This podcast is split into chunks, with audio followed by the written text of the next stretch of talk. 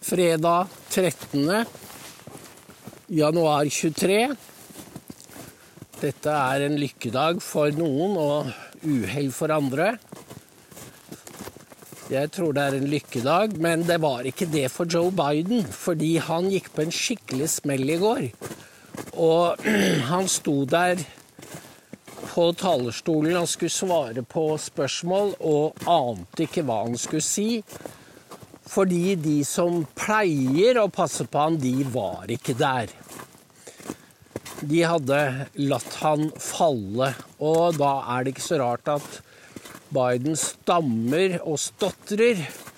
Fordi han må ane at han nå blir sluppet.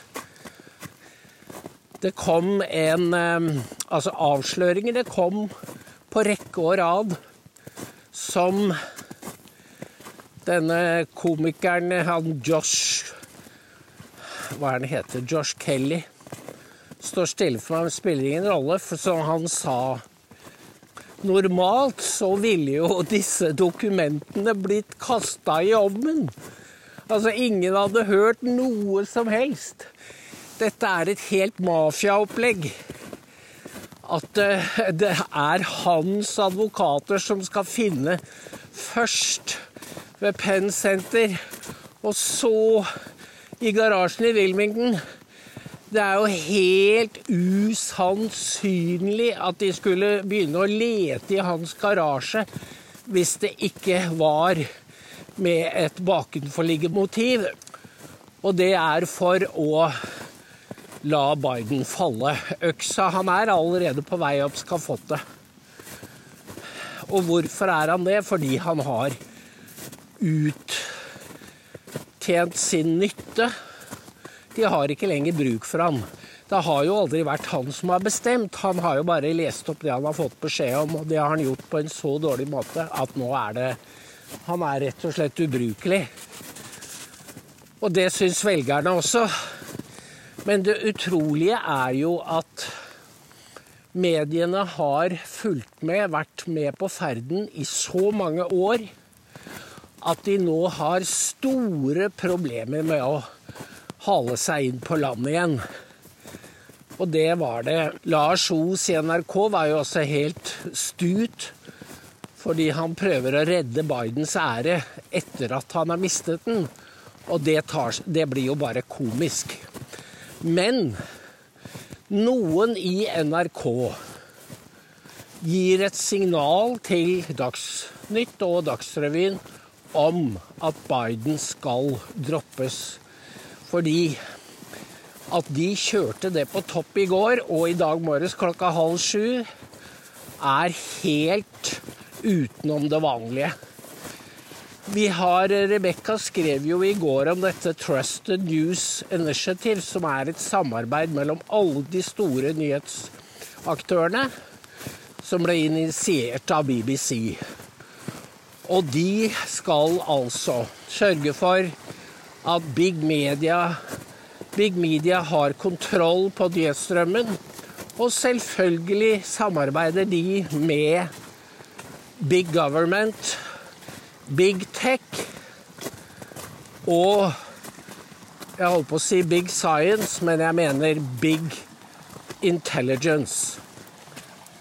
IC kalles det på amerikansk Intelligence Community.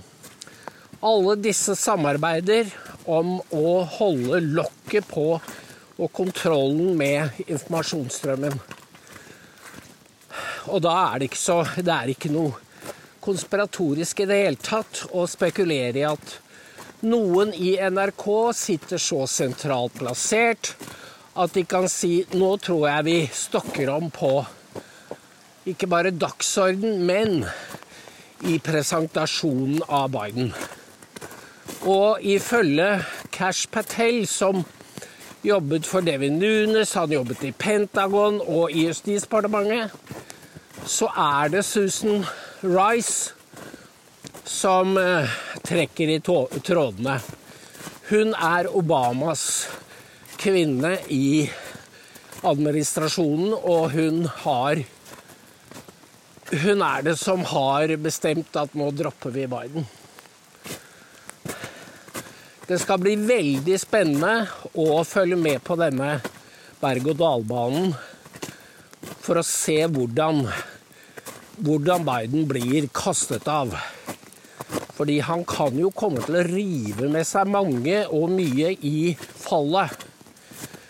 I går så ble det jo utnevnt en spesialetterforsker med én gang, og det var jo helt oppsiktsvekkende at det skulle gå nærmest uten motstand. Men denne spesialetterforskeren, statsadvokaten, han er jo en av gutta. Fordi han har vært partner med FBI-sjef Christopher Ray. Så han er nok helt innforstått med hva som er hans oppgave. Enten det nå er å henge Biden i hans egne dokumenter, eller det er å frikjenne han, eller det kan bli utarbeidet en avtale på kammerset hvor Og det er det mest plausible. Biden får tre tilbake med æren i behold. Mot og familien og Hunter, sakene mot han droppes. Mot at han går fredelig. At han gir seg uten noe spetakkel og bråk. Det vil være klassisk mafia. Og USA er blitt klassisk mafia. Og det vil det komme frem flere og flere bevis for. Og dette er blant de ting som Jim Jordan og justiskomiteen skal granske, for de kan forlange at universitetet utleverer hvem det var de fikk penger av. Og da kommer det til å dette veldig mange skjeletter ut av skapet. Vi tror ikke NRK kommer til å være spesielt opptatt av å beskrive dem, men det er klart at hvis Biden går med i dragsuget, og han er allerede skadeskutt du, må være korrespondent i NRK for ikke å få med deg det. Så er dette til fordel for Trump, fordi de holdt på å mase i flere uker om hans papirer. Og nå vil det bli vanskelig å skjule at visepresidenten overhodet ikke har noen rett til å ta med seg statspapirer fra jobben og legge dem, hjemme dem i garasjen. Eller i, et, i en tenketank. Det har han ikke lov, av, det er, lov til. Det er en føderal forbrytelse. Mens derimot Pres Presidential Records Act, PRA, er noe helt annet. Presidenten har rett til å avklassifisere. Han er selv øverste autoritet.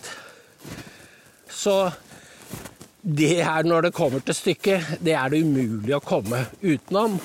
Og denne spesialetterforsker Jack Smith, som er en skikkelig Hva skal vi kalle den? Han er et sumpdyr. Han er tilhører de kjeltringene rundt Hillary Clinton. Han vil ikke ha noe å komme med strafferettslig. Og politisk har jo da Biden Eh, gjort hans oppgave umulig. For det er ingen forskjell. Biden som satt og fordømte Trump, nå har han gjort det samme selv. Og det ble jo gjort så Altså, det er så mange detaljer her som faller uheldig ut for Biden. Det var jo De gjorde jo et stort nummer av at det ikke var nok sikkerhet rundt papirene i Mar-a-Lago, så det kom på en ny lås men Trump og hans medarbeidere de samarbeidet jo hele tiden med Nasjonalarkivet. Mens Biden jo hadde, hadde papirene sine i, i, en garasje.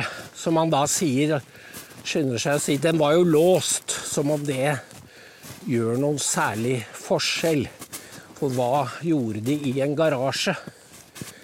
Dette, det mest opplagte er altså at han blir avslørt av sine egne, og de har en hensikt.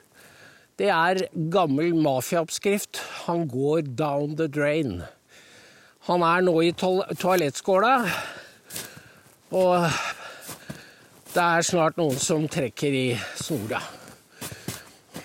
Og da Da vil jo hele det politiske landskapet i Amerika forandre seg.